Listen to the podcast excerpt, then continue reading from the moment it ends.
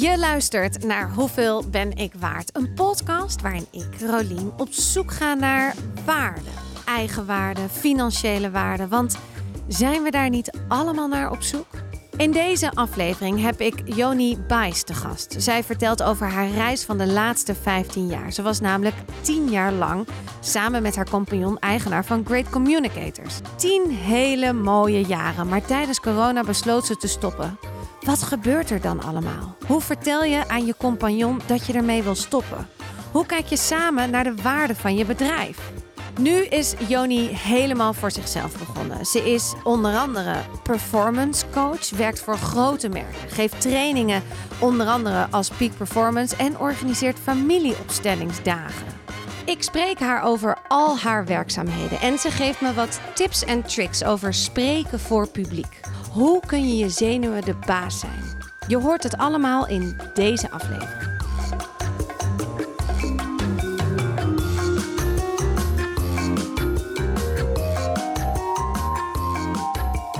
Joni, Ja, we gaan beginnen. Ja. Vind je het spannend? nee. Nee. Nee. Nee, ik vind het niet spannend. Ik doe dit, ik doe best wel veel interviews. En ik doe ook af en toe voor klanten dan podcasts opnemen. Ik vind het vooral heel leuk. Ja. Dus het is voor mij wel een soort van concentratie. Ehm, maar ik, ja, ik vind het vooral heel leuk. ja. Bereid je je voor op zoiets? Ja, maar niet ehm, zoals je zou denken inhoudelijk. Dus ik bereid me vooral eh, mentaal en emotioneel voor. Dus wat ik doe, eh, vanmorgen was ik dan extra vroeg op en dan doe ik yoga en eh, meditatie. En soms kan ik die nog wel skippen. Maar dat is dan een heel strak schema en dat, eh, ja, die kleine die huppelt er dan een beetje omheen. Ehm, ja, dus dan, da- dat is meer de focus. Dus dat ik heel veel ruimte neem ehm, om me gewoon... En ik, ik visualiseer dit ook, dit gesprek. Met wat voor energie je hier naartoe gaat, wat je komt brengen, Ja. hoe je wil dat het verloopt. Ja. Ja. Wat goed. Ja, ik vind dat heel interessant. Maar in ieder geval, we gaan Ja. gewoon beginnen. En Ja. ik stel altijd dezelfde vraag. Ja, Wanneer wist je voor het eerst wat je waard bent? ja, ik zal je zeggen, ik heb echt kortsluiting gekregen van die vraag. Echt. Ik, eh, ik heb er ook best wel met wat mensen over gepraat. Omdat ik dacht, wat, wat is dit nou eigenlijk een, voor een vraag? Hoe, wanneer wist je voor het eerst wat je waard was? Toen dacht ik, bedoelt ze nou hoeveel je waard was? Of dat je überhaupt wat waard was? Dus ik kwam eerst heel erg in werkdingen terecht. En toen had ik een gesprek met mijn vader hierover. En die zei, ah, maar dat wist je al vanaf heel jong. En toen noemde hij ook een paar voorbeelden. Dacht ik, oh ja, shit, inderdaad. Daar was ik al zo jong mee bezig. Dus of dat nou een eh, eigen sportdag organiseren was of allerlei. Ik had altijd allerlei clubjes waarvoor mensen zich moesten inschrijven. Ook en geld moesten betalen en ook geld konden verdienen. Dus ik had een soort verdienmodelletjes eh, bedacht. Van een toneelclub tot een babysitterclub. Dat weet ik, waren we echt tien hè. Dus niemand nam ons aan als eh, babysitter. Dat was dan wel weer jammer. Maar zo was ik altijd bezig met ideeën. eh, om iets neer te zetten voor anderen vooral. Ja, toevallig heb ik vanochtend een podcast van jou gelezen, geluisterd met Sander Timmermans, heet hij? Ja. Zeker, zeker. En eh, daar, daar viel mij meteen één verhaal op. En ik weet niet of je dat hier ook wil delen. Maar dat, dat dacht ik wel, dat is jouw eerste moment van bewuste waarde met je zusje. Ja, Dat je het gedicht voorlas. Misschien Ja. wil je dat delen met ons? ja, ja, tuurlijk. Ja. Ehm, nou, even terug in de tijd. Ik had dus eigenlijk best wel een leuke jeugd. En dat eh, alles werd eigenlijk op zijn kop gezet toen mijn ouders gingen scheiden. En op, in dezelfde periode is mijn zus overleden. En ik was toen elf en zij was twaalf. En eh, ja, bizar natuurlijk voor een, voor een kind, maar vooral denk ik ook voor de ouders. Hè. Dat is echt, kijk, mijn ouders zijn er gewoon nooit meer overheen gekomen. Dat is, nou ja, je hebt zelf drie kinderen, toch? Ja, klopt. Ja. Dat is zo impactvol. En mm, waar jij op doelt is eigenlijk het moment dat ik ehm, dat die begrafenis kwam. En dat ik toen een bewuste keuze kon maken van ga ik wel of niet iets doen. En ik weet nog heel bewust dat ik dacht, ben pas elf. Ga ik nu wat doen? Niemand zal het me kwalijk nemen als ik niet zou doen. Maar ik besloot het wel te doen. En toen heb ik een, eh, een gedicht daar eh, voorgelezen over de zee. En wij wonen natuurlijk ook in Zandvoort. En dat de zee je woorden meeneemt. En eh, nou ja, ik kan, hem, ik kan hem nu niet meer uit mijn hoofd. Maar dat ik dat daar ging voordragen was voor mij ja, heel belangrijk. Ja. En dat ik wist dat ik daarmee een verschil kon maken. En ook, wat ik er spannend aan vond, was dat ik eigenlijk aangaf dat ze er nog was. En in mijn familie was het heel erg van dood is dood. Ehm, ja, en ik geloofde daar niet in. Ik dacht, ja, zij blijft altijd bij mij. En nog steeds, tot de dag van vandaag, heb ik dat nog steeds. Ja, dat je er voelt of dat je er ziet of dat je dat ze gewoon in een bepaalde manier loopt ze, wandelt ze met je mee. Ja, nou, ik geloof sowieso niet dat dood, dood is. Beginnen we gelijk lekker Ja, thee. we gaan meteen de diepte in. Ja, ik vind dat, dat vond ik dus ook heel interessant, want ik deel dat helemaal met je. Maar hoe kan je een beetje uitleggen wat je daarmee bedoelt? Nou, kijk, ik geloof in reïncarnatie. Dus ik geloof dat we op een gegeven moment weer, weer terugkomen. En hoe dat precies zit, dat moet je me niet vragen, want dat weet ik ook niet precies. Maar ik denk wel dat er meer is. eh, dan alleen maar dat je doodgaat en dat het dan, eh, dan, dat het dan klaar is. Dus ik geloof wel dat er een ziel is. En ik vind het ook wel fijn dat je, ook in coaching gebruik ik dat wel, dat er een soort onderscheid is tussen de persoonlijkheid en de ziel. En de persoonlijkheid, die wil van alles en er zit ook het ego. En, ehm, de ziel is eigenlijk een soort van diepere laag, waar een soort kern kan zitten, waar je soms ook echt voelt van, ah, daar word ik door gedreven. Dat zit nog dieper. En ehm, ja, en ik, ik, het is nou niet zo dat ik nou eh, dagelijks mijn zus zie of zo hoor. Dat, dat, dat zijn niet. Maar ik heb wel eens wat meegemaakt dat ik denk, oh wauw, het voelt echt of zij er is. En als een soort van lichte fluistering eh, dat je op het goede pad komt. En ook met hele praktische dingen. Dus ik ben ook wel eens gered in sommige situaties dat ik dacht, oh ja, grappig. Hier heeft zij een stokje voor gestoken. Ja, zoiets. Dus het is een soort van het idee van een soort engeltje Ja, eh, op je rug. En ik ben, het grappige denk ik van mij is, is dat ik heel nuchter ben. En tegelijkertijd sta ik daar ook voor open. Ja. En dat Ja. maakt het leven toch veel magischer. Ja, en ik denk dat ook dat we, ik, ho- we leven denk ik in een tijd waarin dat dus steeds meer mag. Dat je heel aards mag zijn, want Ja. aan de ene kant, het is gewoon heel simpel. We zijn nu hier, we zitten in een studio, we hebben een koptelefoon op en we zijn aan het praten. Dat is wat er is. Ja. Meer is er op Nee, dit moment nee. me- me- ja, dat komt niet meer uit mijn woorden, op het moment niet. Maar er is ook inderdaad veel meer. Ik geloof ook dat net zoals met dat visualiseren en dat je toch een beetje niet 100% in de toekomst kan kijken, maar je kan echt wel dingen sturen. En ook met de dood. Ja, ik denk ook niet dat het ophoudt hier. Nee, Nee. maar wat leuke is, wat jij zegt eh, over dat visualiseren, daar is ook heel veel wetenschappelijk onderzoek naar gedaan. Hè? Dus als je bijvoorbeeld kijkt, dan, eh, want ik deed dat al 15 jaar geleden. En toen was het nog allemaal een beetje dat vage NLP-hoekje. eh. en wat je nu ziet, is dat als je kijkt bijvoorbeeld naar Olympisch sporter, er is geen Olympisch sporter die niet visualiseert. En wat je ziet, is dat je op het moment dat je dus gaat visualiseren, dan maak je dus al connecties in het brein. Eigenlijk een soort groef, waardoor dat brein denkt, oh oké, dat herkennen we. En op het moment dat je het in het echt gaat doen, dan versterk je dat alleen maar. Dus als mensen tegen mij zeiden, bijvoorbeeld als ze voor een groep gingen spreken, ja, maar super spannend, want ik doe het voor de eerste keer. Dan zei ik altijd, nou ja, dat is de vraag. Het moment dat je het natuurlijk een aantal keer visualiseert, dan ervaart het lijf al of je het eerder hebt gedaan. Waardoor het niet voelt als de eerste keer. En daardoor kan je een voorsprong hebben. En dat is echt gewoon wetenschappelijk aangetoond hoe dat werkt in het brein. Maar hoe doe je dat dan? Hoe bereid je je dan voor? Hoe, we gaan wel echt van, van inderdaad je zusje, je waarde naar meteen al visualiseren. Want misschien moeten we één stap Ja. terug. Wat doe jij precies? Ja, goede vraag. Ehm, nou, ik ben, doe ik eventjes een kleine driestap. Ik ben van huis uit ben ik als filmmaker ben ik begonnen. Daar ontdek ik dat ik het heel gaaf vond om verhalen te bevrijden. Om eigenlijk met jou te zitten en jou te laten shinen op een scherm. Eh, veel documentaires gemaakt, corporate eh, portretten van bestuurders. Toen heb ik de stap gemaakt naar Great Communicators. Dat heb ik eh, opgericht met twee compagnons. En tien jaar lang een waanzinnig gaaf trainingsinstituut gehad. Waar we mensen eigenlijk leerden spreken, maar ook de blokkades die je tegenkwam. Hoe je meer presence kan hebben on stage. En eh, echt waanzinnige ervaring. En dat heb ik vorig jaar verkocht. Was ook was misschien nog leuk om als we het over waarde hebben, om het daarover te hebben. En nu ben ik zeg maar een jaar ehm, ja, weer een nieuw avontuur aan het aangaan. En wat ik nu doe, is ik help professionals om eigenlijk een peak performance te leveren. En eigenlijk alles wat daarbij kunt kijken. Dus een soort stukje leiderschap, eh, maar ook public speaking komt daarbij kijken. Maar ook eigenlijk eh, allerlei hardnekkige patronen onder de loep nemen, weer met systemisch werk.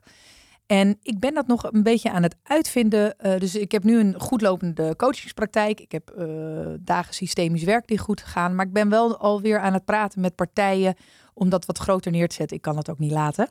Ehm, ja, en dat, dat, dat, het grappige is als ik ook die drie dingen noem, van dat filmmaken en dat trainingsinstituut en wat ik nu doe, eh, zit daar echt een rode draad in om mensen echt te laten voelen van dat ze meer kunnen. En dat ze echt op een hoog niveau kunnen presteren zonder zenuwachtig zijn, maar echt met een soort van ehm, authenticiteit en een autoriteit. En dat je dat dus voor elkaar kunt krijgen. Ja.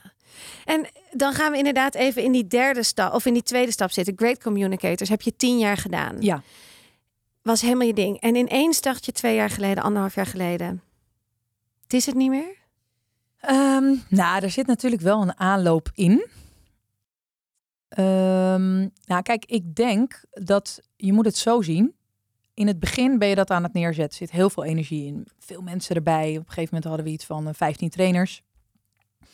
Ging hartstikke goed. Ook qua resultaat ging het goed. En op een gegeven moment, omdat je het... Uh, dus we hebben het uh, al snel gingen we het met z'n tweeën doen. Kom je erachter dat je niet helemaal meer op één lijn zit. Dus op een gegeven moment denk je, ja, dat scheurt een beetje. Dat is ook alleen maar goed.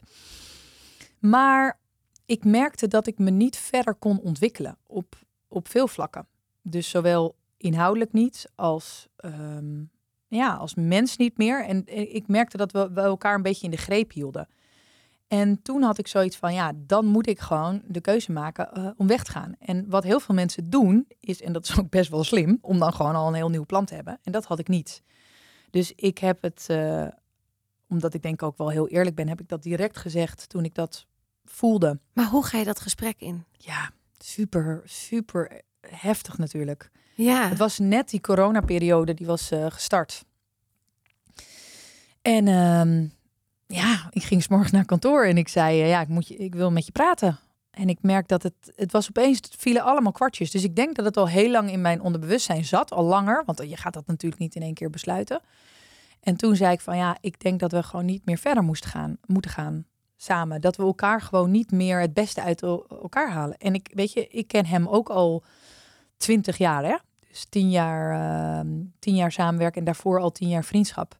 En dat is, ik wist dat het een hele pijnlijke boodschap voor hem was. Maar ik wist ook, hoe pijnlijk het ook is, uiteindelijk is het ook het beste voor hem. En uh, ja, dus dat was een complete shock, maar ook voor mij, dus voor ons beiden. Dus we hebben er ook best wel lang over gedaan, een jaar denk ik, om dat goed uit elkaar te, te ja, laten gaan. Ja, want dan komt er ook, er komen allemaal gesprekken. Er komt dus dit emotionele ja. gesprek, maar er komt ook een gesprek, wat is ons bedrijf waard? Hoe beslis je dat? Ja, dat... dat Want je hebt tien jaar keihard ja. met z'n tweeën 50-50 ja. erin. Ja. En dan? Ja, nee, dat is ook super lastig. Dus daar, um, dus die waardebepaling, die lag ook zo twee ton uit elkaar. Ja. Dus, en dat is logisch, want je hebt natuurlijk een vertrekkende partij, die wil natuurlijk meer. En ja. een, uh, een, blijvende partij. En dan had je ook nog een coronacrisis, die ja. natuurlijk ook heel bepalend was voor het, uh, voor het resultaat. Dus dat hakte er compleet in. Dus daarin zag ik natuurlijk ook dat ik niet en kon weggaan en heel veel kon vragen. Dus dan ga je natuurlijk ook kijken van wat is er nog meer voor waarde. Want je hebt natuurlijk waarde is natuurlijk geld, maar waarde is ook trainers Netwerk. of waarde is klanten. Ja. Dus je kunt ook dat bepalen. Nee, dat is een heel moeilijk traject geweest. En dat doe je dan natuurlijk met een, uh, met een mediator. En natuurlijk ook kijken wat de ander meer waard vindt. Dus ik vind bijvoorbeeld klanten meer waard en hij vindt uh, geld meer waard. Ja. Dat was trouwens niet zo, maar even als voorbeeld. Ja, tuurlijk. Ja, ja precies. En, en, en daar, heb je, daar hebben jullie dus ook een langere periode over gedaan. Ja, ja. Ja, want je wil eerst een beetje door die emoties heen. Want het is net eigenlijk een soort huwelijk. Dus je bent zo op elkaar ingespeeld. Ik, ik denk dat wij in die periode uh, hebben wij alle twee een scheiding meegemaakt. We hebben alle twee verschillende ja, uh, andere partners uh, voorbij zien komen. Dus ja, je bent elkaars stabiele factor, zeg maar, in, in elkaars leven. Kon je elkaar snel weer vinden op het moment dat het, dat het even, dat de emoties er allemaal ja. waren? Konden jullie daarna en er waren dingen bepaald. En Ja. het, konden jullie daarna ja, weer... ja, er is nu wel een. eh, ik denk dat het wel goed is dat je even wat, wat emotionele afstand hebt. Maar ik denk, kijk, wat het belangrijkste denk ik is. Ik ben niet zo van, oh, we moeten nu elkaar weer super vaak zien. Maar, en dat gebeurt nu ook niet. Maar ik denk dat het belangrijkste is, is dat je het los kunt laten. En dat je dus geen boosheid hebt. Of kijk, ik gun hem echt dingen. En ik weet dat hij dat mij ook gunt. Dus om een voorbeeld te geven, ik zag, ik zat laatst in een jury vorige week uh, bij A Cup of Ambition, wat je ook kent. En daar was iemand en die sprak over Bas on stage en over Great Communicators. En die vertelde een heel verhaal over wat ze had geleerd. En ik werd er ook helemaal niet in genoemd, wat ook helemaal prima was. En ik zat daarna te luisteren, dacht ik, dit is tof. Want dit is dus echt een stukje legacy, dat mensen dus het verhaal gaan vertellen. Waar je dus zelf niet meer een onderdeel van bent, maar wat wel dus impact maakt op iemands leven. En dus ook voor dat hele publiek weer. En toen dacht heb ik hem, ik heb het ook gefilmd en naar hem toegestuurd. Zei ik, oh kijk wat cool. En dan vond hij ook heel leuk dat ik dat deed. Dus dat, op dat punt zitten we denk ik nu. En eh, hij zag bijvoorbeeld dat ik nu een nieuw team heb. En dan stuurt hij een appje. Dus nee, dat is goed. Dat is goed zo. Ja. En ik denk dat we alle twee vol- volwassen genoeg zijn om daar eh, ja, dat elkaar te gunnen. Ja, knap hoor. En ook wel mooi. Maar jij voelde dus, ik moet een andere weg inslaan. Ja. En ik weet nog dat ik jou toen benaderde in die Ja. periode. Van kom jij ook als bij mij spreken? Mhm. Want ik ben gewoon altijd heel erg nieuwsgierig naar jou. Gewoon hoe je great communicators hebt opgezet. Maar toen zei ik, ik ben er net uit. En ik ben niet toe nu om met iemand te praten. Of tenminste, ik weet mijn verhaal nog niet. Ja. Zei je toen. Vond ik heel mooi. Het was heel duidelijk een grens. Van ik vind het leuk, ik aanvaard je uitnodiging, maar niet nu. Wat ben je gaan doen? Nou, ik, ehm, ik heb echt tijd nodig gehad. Ehm, het grappige was, was dat ik eigenlijk in hetzelfde probleem kwam als waar mijn klanten zitten. Dus je wil heel snel weer iets laten zien aan de buitenwereld. Het is ook natuurlijk een stukje van, nou kijk, ik ben weer wat tofs begonnen. En ehm, wat denk ik ook een stuk ego is, maar ook een soort verwachting van de markt. En je denkt ook dat het zo hoort te zijn. Op een gegeven moment dacht ik, ja, wat is nou echt belangrijk? En toen dacht ik, ja, het is echt belangrijk om goed ehm, mijn rust te pakken. En goed te laten voelen wat ik nou wil, wat mijn waarden zijn. Omdat je natuurlijk tien jaar samen bent geweest. Net een relatie. Dan moet je ook weer even beter in de one-night stands gaan zitten. Of even korte relatie in plaats van weer gelijk iets heel vast. En ik kwam er eigenlijk achter door heel veel gesprekken te voeren. En ook stilte medite eh retretes en dat soort dingen.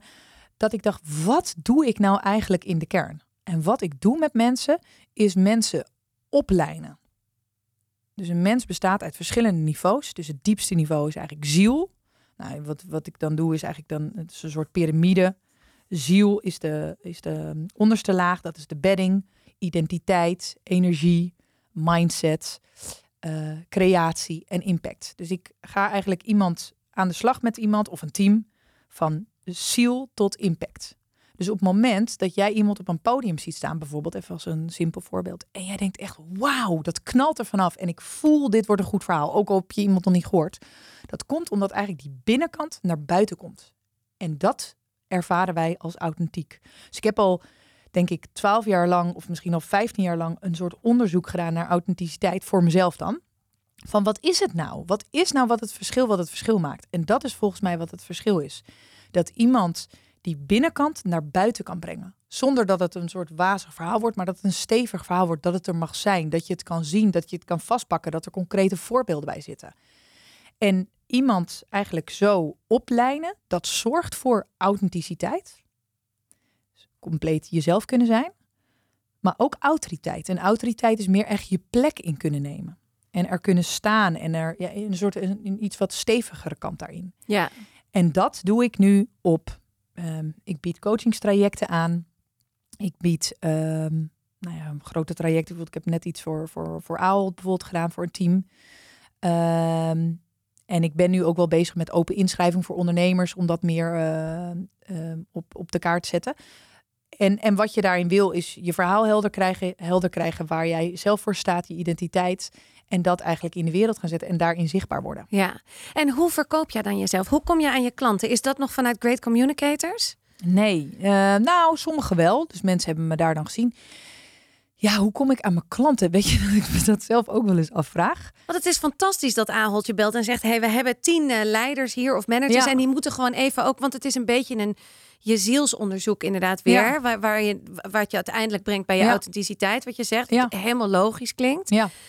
Maar dat is nogal wat als je even tien mensen van Ahold kan doen. Ja, nou toevallig die, die klus kwam eh, via iemand die mij ooit had gezien. Twaalf jaar geleden of veertien jaar geleden ehm, bij Ahold als filmmaker.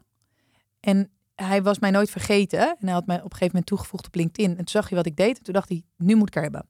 Dus mensen blijven je ook. Dus daarom is dat netwerk zeg maar, van LinkedIn ook zo belangrijk. Omdat er dus, er komen nu connecties van, ik denk 15 jaar geleden. Toevallig kreeg ik gisteren nog een app.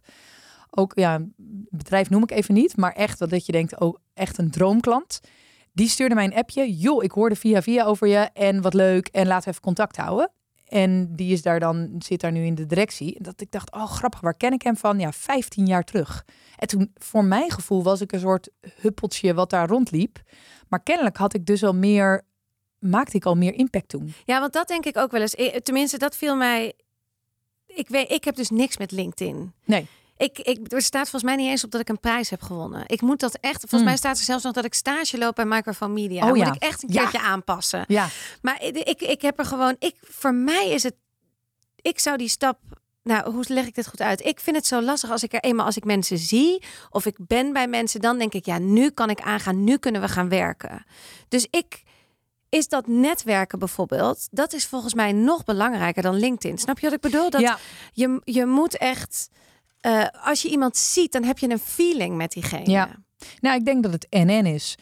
Ehm, kijk, wat ik. Kijk, het is nu natuurlijk makkelijker. Ik zit in een oogstfase. Dus ik heb heel veel geïnvesteerd. Al vanaf. Nou, ik denk dat ik, ik begon op mijn negentiende al met werken. En ik heb daarna altijd, daarnaast altijd weer eh, gestudeerd. En wel eens weer even een periode dan weer even voor de studie serieus gegaan. Maar vanaf mijn negentiende werk al. Dat is al twintig, twintig jezus, twintig Ja, jaar. 20 jaar. Ja. Maar met serieuze baan, hè? En ehm, ik, wat ik in de eh, beginperiode van Great Communicates bijvoorbeeld heb gedaan, is heel veel gratis op dingen gaan spreken. En me als jurylid aangeboden en in dingen aangeboden. En gewoon Ja. maar... Want ze moeten je zien. Precies. Ja. Dus, en ze moeten weten wie je bent. En wat ik bijvoorbeeld zie bij heel veel ZZP'ers, is dat ze dan zeggen, ja, ik wil dat wel komen doen, maar dan kost dat. En dan, dat, dat zou ik echt mensen afraden. Dan zeggen ze, ja, ik kost dan eh 80 euro per uur of zo. En dan zeggen ze, en dan wil ik ook nog reiskosten. En, en dan denkt zo'n organisatie, joh, laat maar. Dus wat ik altijd deed, was dat ik zei, nou, dan kom ik gewoon de eerste keer, helemaal gratis. Niks, niks hoef je te betalen. En dan, als ze dan mij leuk vonden, ja, dan werd ik daarna wel ingehuurd. En dan kwam ik met een veel hoger uurtarief. Dus bijvoorbeeld, je kan ook beter je al die reiskosten, reis, weet je, als ik iemand zie en die stuurt mij een overzicht met reiskosten, reis, ben ik er eigenlijk al klaar mee. Want dan denk ik, je bent dus niet op het niveau dat je dat inclusief durft te maken. Ja. Dus dat is voor mij een signaal. ja. Dus het is veel beter om gewoon iets hogere prijs neer te zetten, alles inclusief, en dat zo'n klant ook weet, oh ja, dat kost dus zoveel, hoppatee. Ja. Ja, logisch. Ik vind ik eigenlijk ook wel logisch. Sowieso inderdaad snel met een prijs komen is dus niet helemaal een, een go. Nou, het kan dus wel, maar het hangt dus ook een beetje vanaf waar je in, een, in, een, eh, in je carrière zit. Als mensen nu aan mij vragen, eh, wil je daar, eh, ik noem maar wat, een sessie houden? Ja, dat ga ik niet gratis doen. Nee. Tenzij ik het echt een heel positief verhaal vind. Ik, ik werk bijvoorbeeld nu af en toe voor The Present. Zij doen veel in met, ehm, met vluchtelingen. Nou, daar doe ik Daar ben je. ja, daar ben ik en dat doe ik gewoon gratis. Ja. En dat vind ik gewoon leuk en dat vind ik een positieve club. Dus het geeft mij wat qua energie. En ze doen echt toffe dingen en echt de goede dingen. En ik ontmoet er alleen maar hele toffe mensen. En Ehm, daar kan ook weer wat uitkomen, hè? ja, Dus Ja, dat weet je ook niet. Of Of, niet. niet. En dat is ook goed. ja, dat is ook goed. En voor de rest doe ik gewoon eh, dingen gewoon betaald. En ehm, Ja, vertel even over dat oogsten. Je bent lekker aan het oogsten. Ja. Heerlijk. Klinkt ook heel goed. ja, goede term. Hoe, hoe, eh, hoe zie ik dat voor me? Want je, het is best spannend van Great Communicators, Ja. waar je met een team zit en waar je eigenlijk wel op een gegeven moment wist na tien jaar, we hebben dit inkomen, dit krijg Ja, ik een beetje. ja. Waar zat je toen op? Op welk bedrag per maand ongeveer voor jezelf? Eh, ja, zit ik even te denken. Dus je moet je eigenlijk voorstellen dat wij, wij hebben dat niet echt heel handig gedaan hoor. Maar wij zetten om in 2018 of 19 ongeveer bijna een miljoen. Zo. En wat ik verdiende, want dan denk je, wow, dan Ja. ga je lekker hard verdienen. Nou, dat viel tegen, Ja. want wij investeerden echt superveel in trainers en in pand en in... Dus het zag er allemaal piekfijn allemaal uit. En ik verdiende, even goed nadenken hoor. Ik denk dat ik netto overgemaakt kreeg 2500 euro. Oh, dat valt dan wel mee. Ja. Of misschien nog iets minder zelfs. Oh, dat valt dan echt. Dat Ja. is wat een, wat een contrast, hè? Ja, ja, dus dat hebben we ook. Ik denk als onder ondernemers dit luisteren van, nou, dat hebben jullie echt heel. eh, ja, en dan kun je jezelf natuurlijk nog wat dividend uitkeren of zo in een BV, hè. Maar dit, eh, dit was het wel. En ik, ik vond dat ook op zich prima. Ehm, het is, ik geloof dat gevoel dat je dus andere trainers goed kan betalen en een mooi pand hebt, dat is ook Ja. van enorme waarde. Ja, ja. Dat als er een klant komt en of een groep die jullie gingen Ja. coachen of dat, Ja. dat eh, gingen leren, dat spreken en Ja. alles, dat, dat, dat is natuurlijk ook als je dan zo'n pand binnenloopt, kan me voorstellen dat je dacht, wauw. Ja, nee, dat is ook zo. Nee, en ik zit even te denken, want volgens mij was het. eh, volgens mij, ja, ik ben dus eh, heel slecht met, met cijfers. Volgens mij maakte ik mezelf bruto 6000 over. En dan maakte ik mezelf van de ene naar de andere BV moet je weer. Dus ik hield dat salaris ook wel kunstmatig wel laag. Maar goed, ongeveer iets Ja, in die rond eh, ja, ja. rond. eh, Ja, maar het zat niet op eh, 7000 netto, 8000 nee, netto. nee, eh, absoluut niet. Nee, nee, nee. En vijf dagen per week altijd gewerkt in die tijd. Mm, nee, ik was altijd de woensdag vrij met die kleine. Dus eigenlijk vanaf dat ik, eh, nou ook voor Freya nog werd geboren, heb ik dat ook gedaan. Dat had ik altijd nodig. Ja, Ik wilde- één dag wil- opladen. ja. Ja, goede breekwoensdag. Ja. En, en nu, want nu ben je aan het oogsten. Hoe gaat het nu? Nou, het gaat heel goed. Eh, ik, eh, ik vond het mega spannend. Want wat er gebeurde was, ik had dus Great Communicates verkocht. Nou, daar heb ik er natuurlijk iets van eh, wat, wat geld voor gekregen. Dus ik dacht, ik kan het een beetje, nou ja, in een paar maanden niks doen. Nou, dat ging toch kriebelen. Dus ik heb maar zes weken vrij gehad. Is dat spannend om dan te, een bedrag te krijgen en dan te denken... Ja, hier moet ik het een paar maanden van doen. Maar ja, als het op is, is het op. en wat dan? tuurlijk, tuurlijk, ja. Nou, ik heb denk ik uiteindelijk, ik, ik heb al zo vaak zo'n switch gemaakt dat ik dan alles, mijn huis in brand zet en nog geen nieuw huis had. Dat is een beetje mijn stijl. Vind ik ook wel, word ik ook, ga ik ook wel op aan. Dus sommige mensen krijgen dan een soort paniekreactie en ik ga wel gewoon, oké, wat gaan we doen? Dus dit was wel een relaxte situatie. En toen dacht ik, nou, na zes weken ging het toch wel een beetje kriebelen. Maar wat er toen gebeurde, is ik werd ziek. En echt lang ziek.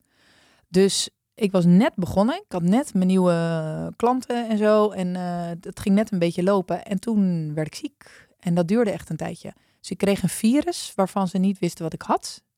Dus ik bleek maar, bleef maar koorts houden, twee maanden lang. En ik kreeg een maagslijmvliesontsteking. En ik dacht echt, kak. Toen kwam wel even de realisatie van... oei, dit is echt een slechte timer, timing. Want ik sta er dus alleen voor als eh kostwinnaar. Dus ik heb niet een, Ja. een partner. En ik heb een kindje en ik heb ook wel een, ja, een Een duur, huis. Ja, ja. Dus ik dacht echt, ah, hoe gaan we dit doen? En stel dit, eh, ja, want die internist zei, ja, dit kan best wel lang duren. Het kan ook zijn dat je een jaar uit bent. Eh. Ja. Ja, toen, toen dacht ik wel even, oei. Ja. Maar ja, dan, ehm, die stress helpt je niet. Dus ik moest echt in die ontspanning en echt dat loslaten en die klanten afzeggen. En een paar, ik heb een paar opdrachten heb ik bij eh, andere klanten belegd, of bij andere trainers belegd. En gewoon maar vertrouwen op dat het eh, beter wordt. ja. Maar geen inkomen. Nee, en kon er wel een klant tegen je zeggen: we wachten wel, we hebben wel de tijd, we kunnen ook over drie maanden? Had je iets Ja. in het verschil? Ja. Eigenlijk de meeste zeiden, ik wacht. En er waren een paar die zeiden, ja, dit moet nu gebeuren. Want er staat een training met 40 man. Dus daar heb ik eh, andere mensen. Dat is wel fijn aan een netwerk. Dat je gewoon goede mensen hebt die dat direct kunnen oppakken. En ja, een, an- een aantal anderen zeiden ook, ja, dan, dan stop ik. ja. Maar eigenlijk, volgens mij is dat er... Ik zou dat aan mijn assistent even moeten vragen. Maar volgens mij is Heb jij dat een er... assistent? Ja. nou, dat was dus ook een, eh, een, eh, een set. Ehm, ik was dus en ziek en ik deed nog in de avonden mijn administratie, mijn offertes en dit en dat. En toen zeiden ook vrienden van mij, Joni, je verdient gewoon genoeg geld. Ga nu een assistent gelijk in. Toen zei ik, ja, ik ben net begonnen en misschien gaat het helemaal niet goed. Dus ik ben toen in december begonnen met Wendy. En Wendy is fantastisch. Wendy is echt fantastisch. Wat doet zij dan voor jou? Ja, eh, wat niet? ja, Wendy is echt, ja. Eh, wat doet Wendy? Ja, ik ben heel blij met Wendy. Eh, Wendy doet mijn facturatie, offertes, ehm, De aanvragen die binnenkomen. aanvragen die binnenkomen. Maar ze doet ook, ik, ik ga nu wat advertenties plaatsen op Instagram. Nou, dat gaat ze dan allemaal uitzoeken. Ehm, ja, ze, eh, ze, en ze denkt heel erg mee. Dus bijvoorbeeld, ik zat net in de auto hier naartoe. En dan bel ik even met haar. Waar, wat moet ik niet vergeten? Wat, eh, weet je, wat, wat, wat hangt er nog? En dan zegt ze, hey, heb je daar nog aan gedacht, daar nog aan gedacht? En wat zij heeft is, ik, ik wilde het eerst, vond ik haar te duur. Wat, eh, wat was duur? Ehm, volgens mij is zij 50 euro per uur. Oh, en als je Bruto. begint, ja, en als je begint, ja. dus dan komt dan nog een Ja, BTW bij, ja. Dus 45, 50. En toen dacht ik even van, ah shit, is best, ik had meer in mijn hoofd 30 euro. Ja. En toen dacht ik, nee, ik ga niet nu voor een jonkie. Zij is, wat is ze, 38 of zo, of nee, 35. Ze heeft ervaring. Ze heeft Ja. ervaring, ze is echt relaxed en ze heeft echt een soort zen over zich heen. Ja. En ze maakt zich echt niet druk. En toen dacht ik, oh, maar dat is echt goed voor mij. Iemand die gewoon een beetje voor mij zorgt in plaats van andersom. Want dat gebeurt vaak bij mij, dat ik voor de ander ga zorgen. En, uh, en dat, dat gevoel klopte. En hoeveel uur heb jij haar per week? Uh, ja, ik betaal, dus het is meer, ik betaal 1000 euro per maand voor haar. Ja. Ja. En dat jullie hebben inmiddels zo'n inclusief pakket, zeg maar. Ja, ja dat je. Ja, dus ze heeft een aantal uren die ze Ja. maakt, maar ongeveer. Dus de, ik ge- Ja. geef er 1000 euro per maand Ja. aan uit. En dat is, dat is prima. Ja. En eh, in de toekomst wordt dat misschien meer. En dat is helemaal goed. En dan groeit ze gewoon mee. Dus ze is ook echt onderdeel van het team. Maar het klinkt wel, wel eh, eh, niet dat ik het chic of luxe vind, maar als je 1000 euro hier aan uit kan geven en je hebt een huis, een koophuis zelf, je hebt een dochter, Ja. dan gaat het wel goed. Ja. Ja, ik had... Nou, misschien vind je het wel leuk om wat Ja. cijfers te horen. Ehm, ik had bedacht... ehm, ik dacht van, nou, laat ik er anders inzetten op dat eerste jaar. En dan bedoel ik eigenlijk van juli tot juli, hè? Dus Ja. dat was dan eventjes eh, een jaar dat ik dacht, nou, dan ga ik...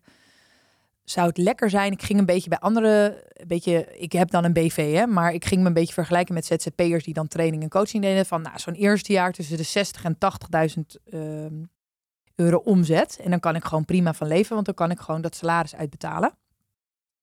Maar ik denk dat ik nu wel op, eh, want we zitten, denk dat ik wel zo rond de 150.000 uitkom. Ja. ja, dus dat is echt, echt goed voor een eerste jaar. En wat doet dat met je waarde? Met mij als persoon. Ja. Mm. Nou. Ja, eigenlijk niet zoveel. Want ik ben dus niet zo heel geldgedreven. Hè? Dus ik, ik ben nu eigenlijk voor het eerst wat meer op de centen gericht. Maar ook omdat ik er helemaal alleen voor sta. En dat ik denk, shit, ik moet er wel even goed over nadenken. En ik had, wat, wat het nadeel was in Great Communicators... is dat wij het heel goed hadden geregeld qua ondersteuning. Dus we hadden gewoon een hele goede ehm, financial eh, dame bij ons. En waardoor je dus zelf heel lui wordt. En nu zit ik er bovenop. En dat is wel grappig, waardoor ik denk, hey, dit werkt helemaal niet. Oké, dus eigenlijk leer ik hier als ondernemer eigenlijk een beetje gênant... na twaalf jaar ondernemer zijn, opeens superveel over finance. En dat ik zie dat mijn kosten gewoon best wel laag zijn. Want wat heb ik nou voor kosten? Ik heb dan Wendy. En ik heb, eh, ik heb een eh, locatie. En ehm, ja, dat, eh, daar betaal ik volgens mij iets van 800 euro of zo per maand. En, nou, en dat is echt een luxe, luxe plek.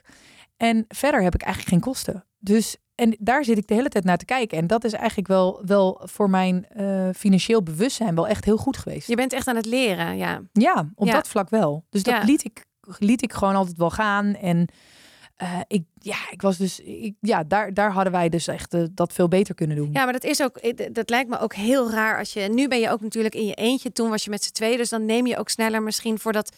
Als jullie allebei waren gaan bemoeien met de financiën, dan was het misschien ook een drama geworden in jullie huwelijk, in jullie zakelijke huwelijk. Dus het is logisch dat je dan een derde partij misschien erbij neemt die dat overneemt. Nou, nee, dat niet per se. Ik denk dat wij gewoon eh, beide gewoon heel erg het als een soort passieproject zagen.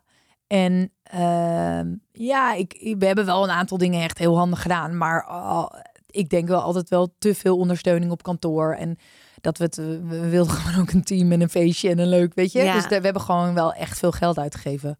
Dus het was ook een goede tijd. Dat is ook een hele goede tijd, ja. Ja. Hey, en hoe is dat nu? Want ik, de klanten weet ik een beetje hoe je krijgt en dat je lekker aan het oogsten bent. Maar hoe, nog even terug naar die klanten. Want bijvoorbeeld Cup of Ambition zit jij bij. Ja. Fantastische organisatie. Ja, Brit zou ook komen, helaas, volgende ja, keer. Ik ja. ga nog echt met Ja. haar om de tafel. Ja.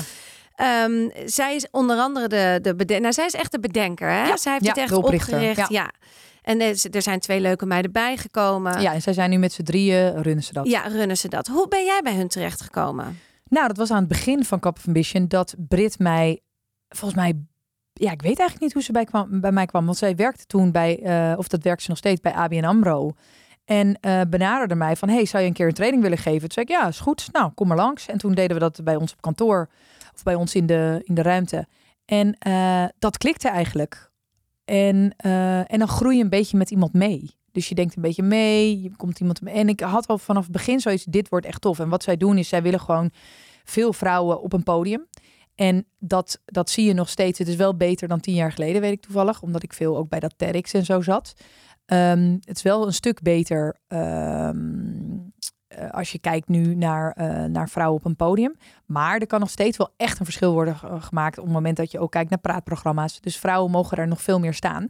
En ik ben onderdeel van hun eh, curriculum. Ja. Ja, echt een trainer, een van de hoofdtrainers een beetje, Ja, toch? Ja. ja. ja. wat ik heel leuk vind van zij, hun slogan is More Women on Stage. Ja. En hoe ik het ook een beetje zie, is dat je hoeft niet altijd misschien, misschien een podium van 6000 mensen of 600 of 60 te hebben.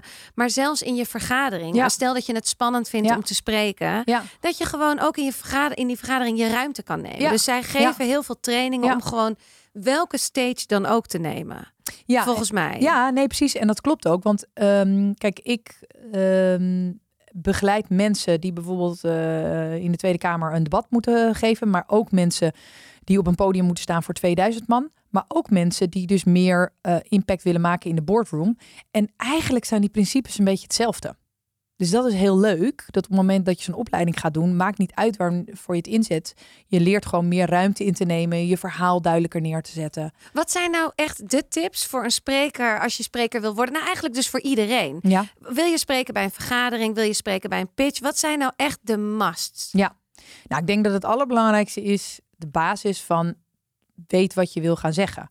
Dus wat ik merk bijvoorbeeld als mensen een, ehm, een interview doen, ehm, bijvoorbeeld eh, ze worden geïnterviewd ergens, dat ze niet de uitkomst eigenlijk bepalen voorafgaand. Dus dan zeggen ze ja, maar die journalist gaat toch vragen stellen. Ik zeg ja, maar jij wil ook een boodschap uit eh, overbrengen. En dat is net als met een boardroom of net wat wil je uiteindelijk de, hoe iemand weggaat. Dus ik teken dan altijd een soort van eh funneltje voor ze. Waar je aan het eind eigenlijk zegt, als iemand nou de ruimte uitgaat, wat wil je dan dat ze voelen? Wat wil je dat ze denken? En wat wil je dat ze gaan doen? Dus ze staan bij het koffiezetapparaat en ze kletsen over jouw talk, jouw eh, optreden, jouw podcast. Wat wil je dat ze voelen? Wat wil je dat ze denken? En wat wil je dat ze gaan doen? Dus dat is bijvoorbeeld al een ding wat je inhoudelijk kan voorbereiden. En dan kan je wat voorbeelden zeggen van oké, dit is dan mijn key message. Dus Ja. dat is denk ik heel belangrijk. En dan, nou, ik doe even nog een, even een andere tip. Ik denk dat het heel belangrijk is dat je managt hoe je je voelt. En dan bedoel je op de zenuwen? Ja, bijvoorbeeld. Dus dat je kijkt van, nou, op het moment dat je heel veel zenuwen hebt, dat je kijkt van, oké, hoe kan je die reguleren? Nou, daar zijn heel veel tips voor. Wil je die? Ja, kom maar door. Ik eh, hang aan je lippen. Ja. Nou ja, kijk, dus enerzijds wil je dus zeg maar, ehm, misschien zag jij aan het begin van dit interview dat mijn energie draaide. Merkte, had je dat door? Toen, we, toen de microfoon Ja. echt aanstond, ja. dat merkt bij iedereen. Ja. Nou, wat ik dan dus doe, is wat ik deed net. Eh, ik zat net heel eh, amicaal Ja. met jou te praten en ook best wel Ja. wild. En er kwam nog iemand binnen en blablabla. En toen dacht ik, oké, deze energie is te hoog voor het interview. En dan ga ik eigenlijk naar binnen. En dan zoek ik eigenlijk een plek waar ik wil zijn. Zoek ik een plek hoe ik me wil voelen. En waar ik nu voor koos was een soort vertrouwen en een soort rust. Vanuit waar ik. Dus ik moest me even. Dus ik zag dat jij me even zocht Ja. omdat ik even naar die plek ging van oké, ik wil vanuit die plek praten en niet dat hele hypere wat we daarvoor hadden. Ja. Als je snapt wat ik bedoel. Ja. Nu heb ik, vandaag had ik geen spanning, maar op het moment dat je wel spanning hebt, wil je eigenlijk eerst die spanning eraf. Dus daar zijn verschillende manieren voor. Dus je kan bijvoorbeeld, stel je weet, ik zit over eh, drie weken, spreek jij op een podium als dagvoorzitter.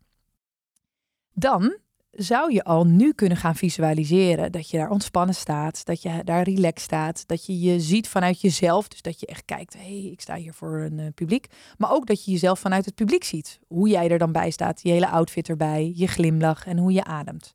Dus je kan dat visualiseren. Ehm, nou, er zijn allemaal tools voor en dan kan je dat ook visualiseren. Eh, Ik, heb er eventueel een aantal die je kunt eh, downloaden. En dat kun je doen, maar stel jij hebt dat gedaan en jij bent dagvoorzitter en over drie minuten moet je op. En het, het komt je oren uit. Dus echt, je weet helemaal niet meer hoe je... De stress komt uit je, uit, je, uit je neus, uit je oren.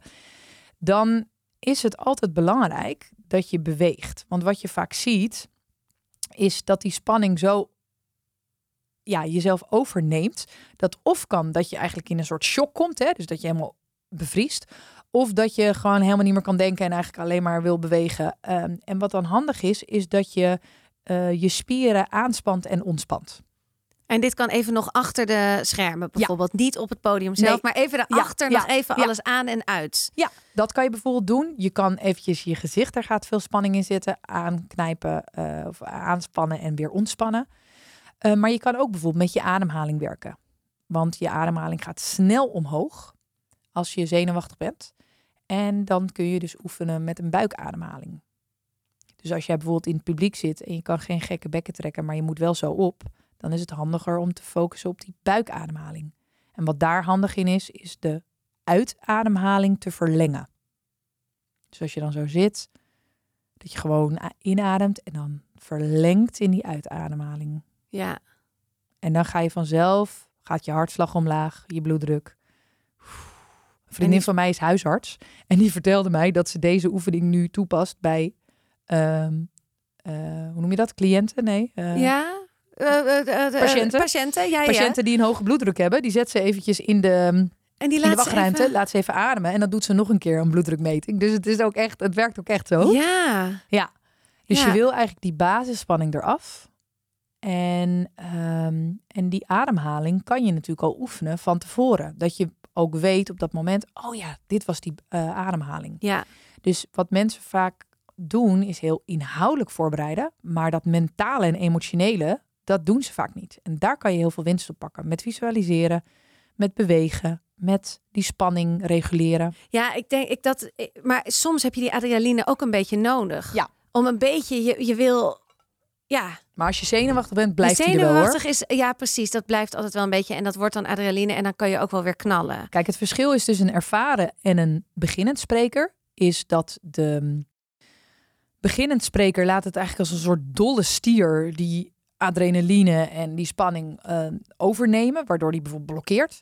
En een ervaren spreker weet de spanning om te zetten in energie Ja, en in power. Dus ik, als ik zenuwachtig ben, dat is alleen maar goed, want dan zet ik hem om in een soort van focus. ja. Ben jij zelf nog wel een spreker op events? Ja. Ja. Dus daar, dat doe je. Dus je, je leidt op, maar je bent zelf ook spreker. Ja. Ja. Wat zijn al jouw onderwerpen? Ehm, nou, ik heb het een beetje wat kleiner gemaakt in die jaren, omdat ik dat ook gewoon van wat vind ik nou eigenlijk leuk. En wat ik doe is peak performance. Dus mensen leren hoe ze een. eh, en ik ben niet alleen maar.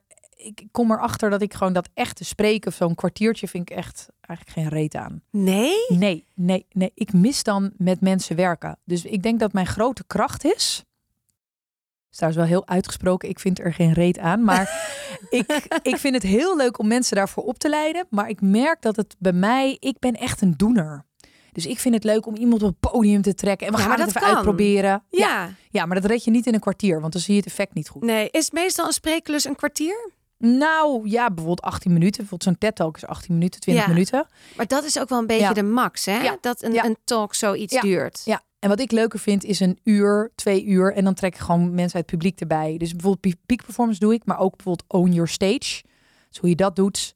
Ehm, Maar dan is het ook echt een workshop. Daar kun je dus, dat is hetzelfde als spreken. ja, maar alleen kan wel het... 200 man in de zaal Ja, zitten. precies, tuurlijk. Maar ja. echt een spreekbeurt, nee, dat doe ik eigenlijk heel weinig. Ik doe het wel eens af en toe. Maar ik mis dan meer de, de interactie. Ja. Ja. dus dan zou dagvoorzitter meer iets voor jou zijn. ja, heb ik ook veel gedaan. Ja. Ja. Ja, dat is echt, het is mijn missie. Ja, vertel. Ja, ik wil dat gewoon gaan doen. Ik heb dat laatst voor het eerst gedaan. Toen heb je mij heel leuk allemaal tips ingesproken. En daar heb ik dus echt wat aan gehad. Oh, wat fijn. Maar je hebt het dus gedaan ook. Ja, ik heb het gedaan en het was voor 50 mensen. En het was, het was heel leuk voor een leuke jonge organisatie, een marketingbureau. Het was hun eerste event en het was niet knullig, vind ik ook zo lullig. Maar het was nog wel allemaal voor het eerst. En ik, was, ik deed het ook voor het eerst. Maar ik kan dat gewoon. Ja, dat is Ja. zo raar om van jezelf te Nee, zeggen. Maar nee, dat is gewoon ik. Maar dat ik zei kan. toch al tegen jou? Ja. Ja. En ik denk ook dat als je weer helemaal terug gaat naar je roots, wat je, je, eerste waarde, kom ik er steeds. Ik was vroeger, eh, deed ik de, hoe heette dat ook weer? Ehm, dat je de leerlingenraad. Ja. Dus ik was altijd, ik zat altijd Ja. in de leerlingenraad. Ik vertegenwoordigde altijd de leerlingen. Ik was altijd bezig met schoolfeest in de Melkweg organiseren of in Paradiso, weet ik veel waar we dat allemaal hebben gegeven. Dus ik was er altijd al daarmee bezig. Ja. En, en later jeugdtheaterschool gedaan in Amsterdam. Dus het zit ergens niet. dat Ik ben geen acteur, geen acteur, niks daarvan. Maar dit, dat verbinden op een podium. Ik heb geen angst op mijn, op mijn bek te gaan. Ja, dat, dat vind ik gewoon niet heel erg. Dat hoort er ook een beetje bij. Ja. Stel dat het gebeurt. Ja. Dus ik, eh, ja, ik visualiseer me wel nu op de Selfmade Summit. Ja, Ja, toch? Ik ben Ja. dat nu, nu ben ik dat aan het en dan als, als, als dagvoorzitter of als zeker, spreker? zeker. Nou, ik zou als spreker ook heel leuk vinden. Ik merk wel wat jij ook zegt, dat vind ik heel leuk. Een spreker ehm, alleen 20 minuten praten of 15 minuten over. Nou, zou ik ook wel over waarde. Want alleen ik zou het wel interactief willen maken. Ja, Want dat, voor mij, ik, ik, ik hoef niet een kwartier naar mezelf te luisteren of zo, alleen maar over waarde. Dan moet het een soort, dan is het een soort Ja. spel tussen het publiek en dat zou ik moeten ontwikkelen. nou en het grappige is, ik dacht dat al gelijk. Want wat, wat belangrijk is als dagvoorzitter, is één dat je heel likable bent bij het publiek. Dus Ja. dat het publiek snel met je kan relaten. Want je bent eigenlijk een soort brug tussen de sprekers en, en het publiek. En eh, je moet die interactie kunnen opzoeken. Dus enerzijds, wat ik tegen jou zei, heb je dus real-time wil je dus kunnen schakelen met het publiek. Ja, En downtime wil je het eigenlijk goed kunnen voorbereiden. Welke spreker, wanneer, wat. En, en, en een beetje kunnen interviewen natuurlijk. ja. Of een beetje, hè? Beetje ja, boel. moet wel. Ja. Ja.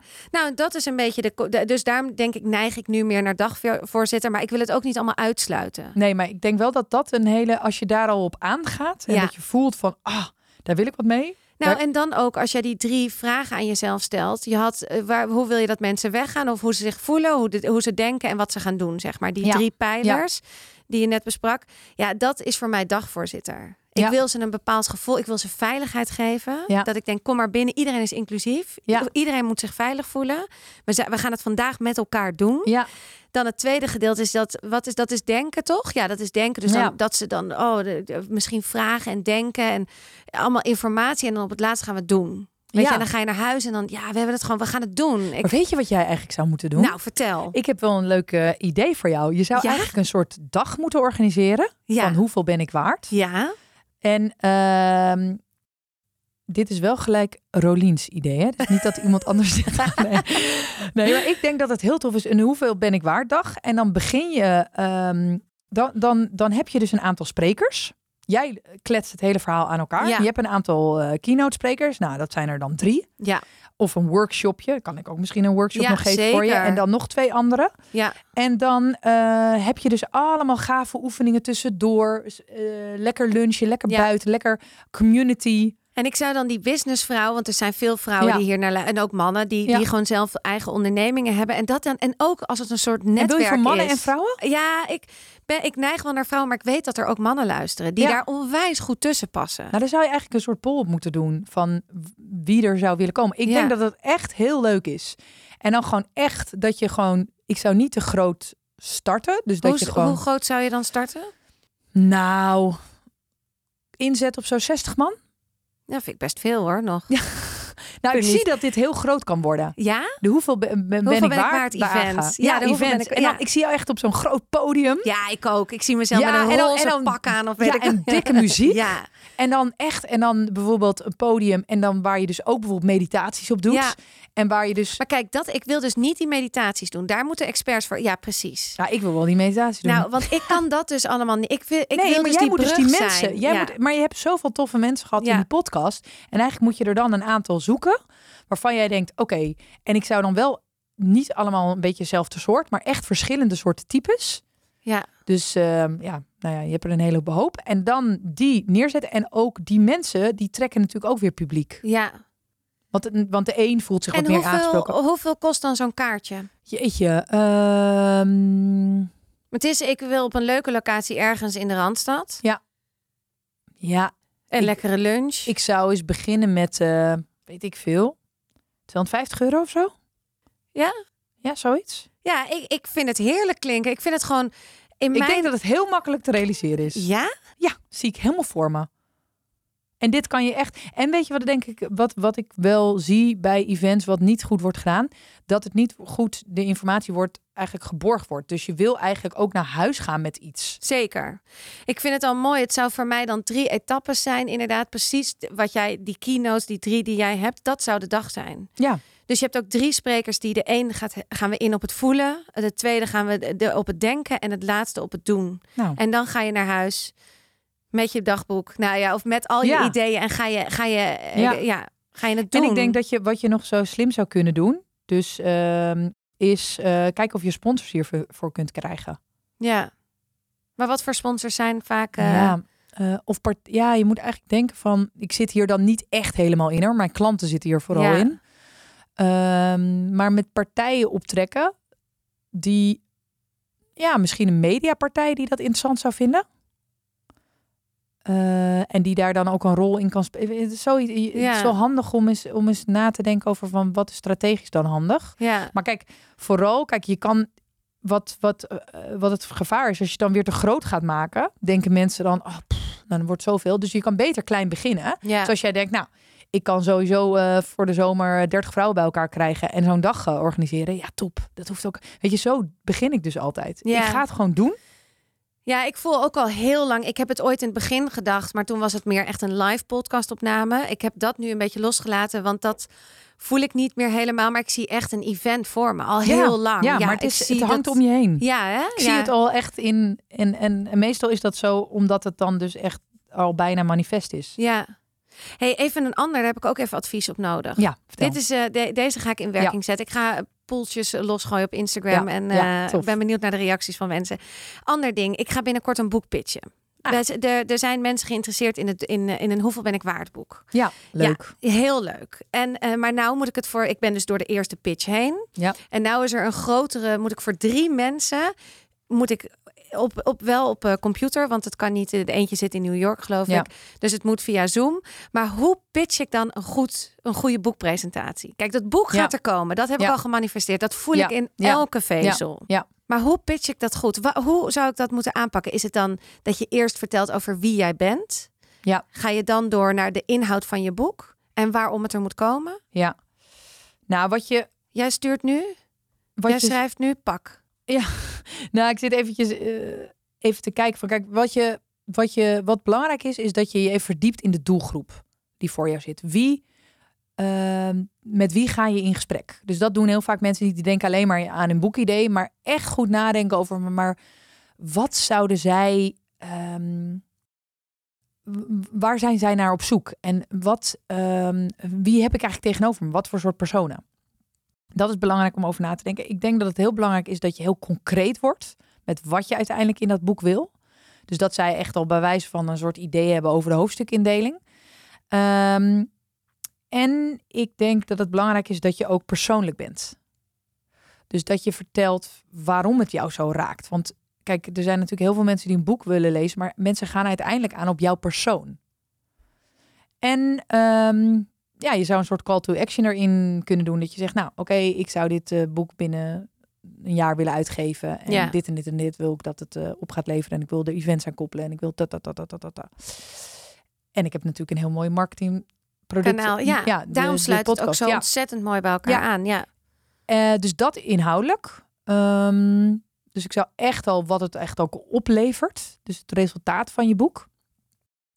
Ehm, en verder heb ik niet heel veel ervaring met boek Boeken. pitchen. Dus ik zou verder een aantal ehm, ervaren eh, partijen vragen. Dus ik weet bijvoorbeeld bij 365 dagen doen ze dat echt goed met hun boek uitgeven. Maar bijvoorbeeld ook eh, Caroline Glasbergen met haar nieuw Female Leaders boek. Dus die partijen bijvoorbeeld zou ik benaderen van... hey, hoe pakken jullie dat nou aan? Ja. Dus ik, ik ga altijd vooral naar de mensen die de ervaring hebben. En niet iemand die een boek heeft uitgegeven wat niks heeft gedaan. Maar echt iemand die een, eh, een goed boek heeft of een bestseller heeft uitgegeven. Eh, en verder zou ik, en daar voel ik vooral bij jou dat jij het verschil kunt maken, is hoe kun je krachtig en ontspannen ehm, ja, die, die sessie ingaan? Wat heb jij daarvoor nodig? Ja. Want er, wat ik denk bij jou, ik, ik denk echt, jij hebt zoveel in huis. Ja? Ja, dat denk ik echt. Maar dat, dat, dat zit meer bij jou op een soort overtuigingenniveau. Waarvan ik denk, je mag nog veel meer. Als ik jou, stel jij was mijn coachklant, dan denk ik, die authenticiteit scoor jij mega hoog op. Maar die autoriteit, Ja, echt een nul, hè? nee, nee, nee, nee, nee, nee, daar scoor je ook op. Maar het lijkt of jij hem niet helemaal inneemt. Nee. Nee, ik vind dat zo lastig. Ik vind dat zo. Ik, ik, dat, dat, dat, dat ben ik gewoon niet. En ik wil het wel, hè? Het is niet dat ik Mhm. het niet wil. En ik wil ook niet, want ik. Ik vind het ook heel irritant als ik mezelf dan weer een beetje zo hoor al van nul en dan zo laag inzetten. Maar het, het is alsof het er niet invalt. Terwijl ik heel groot durf te dromen in mijn dagboeken. Maar ik ben gewoon, voel me nog zo nietig. Ik voel me nog zo klein. Terwijl ik, het past ook niet meer. Snap je wat ik bedoel? Nee. Het rijmt ook niet met wat jij Nou, ziet. Met ja. dat ik dan zo slecht over mezelf van binnen. Ja. Nee, ik denk echt bijna zo vaak wie zit er op mij te wachten. Dit is één grote. eh, ja, disaster. Dit wordt niks. Dit kan. Er zijn nog zoveel overtuigingen. En ik. Ja, en ik hoor ze ook een beetje, want ik heb een paar podcasts van je beluisterd. Dan Ja. hoor ik dat er een beetje doorheen. En elke keer denk ik, nou, wat een gelul. Ja. Omdat ik jou dus, ik ken jou helemaal niet goed, maar ik ken jou nu een beetje van Instagram. En ik heb je een paar keer live gezien. Maar ik denk dan echt, wauw, je hebt zoveel te bieden. Maar hoe kan ik daarin gaan stappen? Nou, nou dan dus wel een leuk bruggetje naar systemisch werk. Want ik denk dat dat interessant is voor jou om te onderzoeken. Dus kijk, je kan natuurlijk, je kan op een paar levels eh, aan de gang. Hè? Dus je kan op overtuigingen, kan je aan de slag van, oké, je noemde net al van, eh, ja, wie ben ik dan om daar te staan? Eh, wat ben ik waard? Wat, weet je eigenlijk waar je hele podcast over gaat? Dus je zou kunnen kijken, hey, kan ik met een bepaalde coaching sessie of hypnotherapie, kan ik eens kijken naar die overtuigingen? Maar je kan ook kijken naar systemisch werk. En systemisch werk is eigenlijk een soort van de paraplu van familieopstellingen, organisatieopstellingen. En ehm, nou, daar doe ik dus bijvoorbeeld veel werk in, omdat ik erachter kwam dat eh, heel veel sprekers zeiden, jezus man, wat een goed verhaal wat tof. Maar dan zat er dus op psychologisch stuk nog een heel, hele blokkade. En toen dacht ik, ja, jezus, deze mensen wil ik gewoon gaan helpen. Ehm, en ik moet op dat niveau zijn. Dus ik ben toen in, eh, ja, eigenlijk ben ik al twintig jaar bezig met opstellingen, maar eigenlijk professioneel vanaf 2013. Veel opleidingen ingevolgd. En toen zag ik dat het dus vaak op een heel ander level zit dan we vaak denken. Dus je kan, ik kan nu wel zeggen, ja, eh, Rolien, je moet dat gewoon gaan doen. Maar het kan ook zijn dat er onbewust iets jou tegenhoudt. Dus dan is het bijvoorbeeld interessant voor jou om te kijken naar jouw eigen familiesysteem. Nou, dat is ook heel lastig. Ik heb toevallig twee dagen geleden een retreat gedaan. Toen moesten we een yoga op, opdracht. Er zit gewoon veel trauma in mij. Maar ik ben ook een beetje klaar met al dat trauma. Mhm. Want we hebben dat allemaal. ja, En ik heb dat ook. Ja. En, en ik weet wel een beetje waar het nu vandaan komt. Het lijkt wel ook alsof ik het niet kan oplossen. Dus elke keer als ik weer zoiets doe, ga ik weer heel hard huilen. ja, Maar er verandert niks. nee, nee. Dus ik word een beetje. Ja. Ik, ik denk ook een beetje, ja, dat helpt dus niet. Het werkt niet of Nee. zo bij mij. Ik kan het niet switchen. ja, ja, Maar ik heb nog nooit een familieopstelling gedaan met, mijn, met mezelf. Wel in klein-groot een opstelling gedaan. Waarom ik niet groot durf te denken Ja. en te dromen. Dat heb ik wel een keer gedaan. Is ook, heb ik ook op eh, online staan. Maar ik ergens zit er, ja, het zit het nog steeds fout. Dat was echt over mijn inner child. Dus dat Ja. ik haar zag en dat ze naar me toe liep en dat ik haar heb omarmd. Maar er zit nog meer. Er zit er gewoon nog, er zit nog shit. ja. En je kijkt er heel bozig bij. Ja, ik vind het zo irritant. Maar weet je wat ik denk? Je mag ook met iets meer mildheid naar jezelf kijken. Zie het als een ui. En die ui pel je eigenlijk af. En dan hoor ik heel vaak mensen die zeggen: Ja, nog steeds ben ik met dat the- thema bezig. En dan zeggen ze: Mensen projecteren vaak op mij dat ik er al helemaal ben. Wat echt trouwens bullshit is. Maar ik heb ook die ui met die pijnpunten. Maar elke keer gaan eigenlijk die layers eraf. En kom je weer dichter tot de kern. En dan denk je: Hé, hey, kom het thema weer tegen. In een andere vorm, in een andere hoedanigheid. Of het wordt op een andere manier getriggerd. En ik denk dat je steeds een stukje verder daarbij komt. ehm, tot uiteindelijk het thema jou loslaat. Dus we zijn vaak heel hard bezig met loslaten. Maar het kan ook andersom, dat het thema jou loslaat. En het is denk ik interessant om er op verschillende manieren naar te kijken. Niet alleen maar in praten, in therapie of eh, in een meditatie. Maar ook bijvoorbeeld eens een keertje systemisch werk doen. Of, of gewoon verschillende dingen proberen. Ja. Ja. Ja, ik kom bij je familieopstellingen doen. Wanneer Ja, ga leuk. je weer een weekend doen? Ik heb in ehm, september heb ik nog eh, een tweedaagse en ik heb in november weer een tweedaagse. Maar ik ben nu met wat partijen aan het praten om ook op eh, meerdere plekken dat eh, te doen. Want wat ik, wat ik daar dus zo tof aan vind, ik ken dus dat al heel lang, dat familieopstellingen, maar dat werd dus altijd een beetje in een soort van zweverig veld neergezet. Ik weet het. Mijn moeder deed het vroeger altijd. Ja. En ik dacht altijd, oh mam, Ja, houd toch op. ja, ja, precies. Ja. En, en te vaag. En wat, wat mijn missie denk ik is om die twee werelden een beetje samen te brengen. Ja. Dus wat er bij mij komt, is alleen maar die professionele doelgroep. En die willen ook daarmee aan de slag. Maar ja, die denken, ja, ik ga daar niet tussen zitten. Dus ik bied iets aan wat het wel doet, maar wel ook ehm, ja, een beetje dezelfde soort mensen. Ja, het klinkt misschien Ja. een beetje... ehm, maar ik wil het namelijk ook voor de zakelijke markt kunnen aanbieden. Ja, het is heel interessant. Ik heb het één keer gedaan als representant. Ja. Eh, en toen was ik, eh, dat was ook in Amsterdam. Ja. En we waren, was Amber ook bij. En ik werd, wij, wij, zaten daar gewoon en ik werd uitgenodigd om een zus te spelen. En het Ja, is Dus te zijn, hè? te zijn. Oh, te- ja, om je te speelt je speelt het niet. Nee, je bent het. Ik ben, ik was die zus en het en ik was er. Ja. Het was zo bizar. En, het, en, het, en Amber zei ook later, het was zo raar om jou te zien, want ik zag gewoon niet Rolien. Nee. Ik zag gewoon een hele Ja, andere vrouw. ja. Je was bot, je was onaardig, je stond, on, je stond ongeïnteresseerd. Alles wat jij niet bent. Maar ik vond het zo grappig dat zij mij uitnodigde om Ja. die, die zus te zijn. En dat ze helemaal, ja, en het was echt, het was zo'n magische ervaring. Ja. Maar En- wel lekker ja. om het als representant te doen. Nou, dat snap ik, want dat is ook natuurlijk wel veilig. Ja. En, maar vaak zie je dat je als representant wordt gevraagd voor de thema's die er bij jou onder liggen. Dus het kan zijn dat je het heel erg herkent, maar als ik het nu zo behoor, kan het ook zijn dat het juist een hele andere kant van jou was wat jij moest belichamen. Ja, dat geloof ik ook. en het ja. is zo'n goede oefening, ook in intuïtie. ja. Als je dus als representant, je denkt in het begin, denk je, ik ga dat doen. En wat zeg ik nou? Misschien klopt het helemaal niet. Dan zegt die persoon, je doet het helemaal fout. Maar eigenlijk klopt het dus altijd. ja. En dat is het magische, dat je intapt eigenlijk op dat veld. En dus ook hele praktische dingen. Ik, ik doe het zelfs met prijsstellingen. Leg ik plaatjes neer, ga ik erop staan wat de prijs moet zijn. Dat zou je ook kunnen doen voor je event. Dus je kan het heel praktisch ook inzetten. En ik ben zo blij dat dat intuïtieve, dat dat veel meer nu ook in het zakelijke mag zijn. Want het levert ons zoveel op en Ja. het scheelt zoveel tijd. Kan je goed naar je intuïtie luisteren? Heel goed. Ja? Ja. Pak je je handen op je buik? Of gewoon, hoe... hoe... Nee. Ehm, nee, ja. Ik, ik- ik denk dat dat wel een beetje mijn ehm, iets is wat bij mij moeiteloos afgaat. Dus ik heb heel veel zakelijke dingen gewoon bam, gewoon gedaan. Voelt goed, doen. Rationeel klopt het niet, maar ik ga het toch doen. En zo leef ik. Ja, Zeg je ook wel eens nee? ja best wel vaak. Ja, hè? Maar Ja. dat heb ik ook moeten leren hoor. En ik moet wel zeggen dat mijn intuïtie op sommige vlakken beter werkt dan op andere vlakken. Ja. Dus ik heb ook mijn uitdagingen. Ik, een vriendin sprak gisteren en die zei: Ja, we hebben allemaal weer karma op andere vlakken. Dus de een heeft zijn uitdagingen op werk. Nou, daar heb ik ze dus niet. Eh, de andere in de liefde. Eh, de volgende op familie. Dus die elke keer dat je een soort van je, ja, pijnpunten hebt. En Ja. vaak zijn ze dus op, ja, op andere vlakken dan. Ja. hey, laatste vraag. Ja. Heb je nog een financieel doel? Even iets heel anders. weer. Ja. Wil je volgend jaar, want als je nu al de anderhalf waarschijnlijk Ja. aantikt, wordt het volgend jaar drie?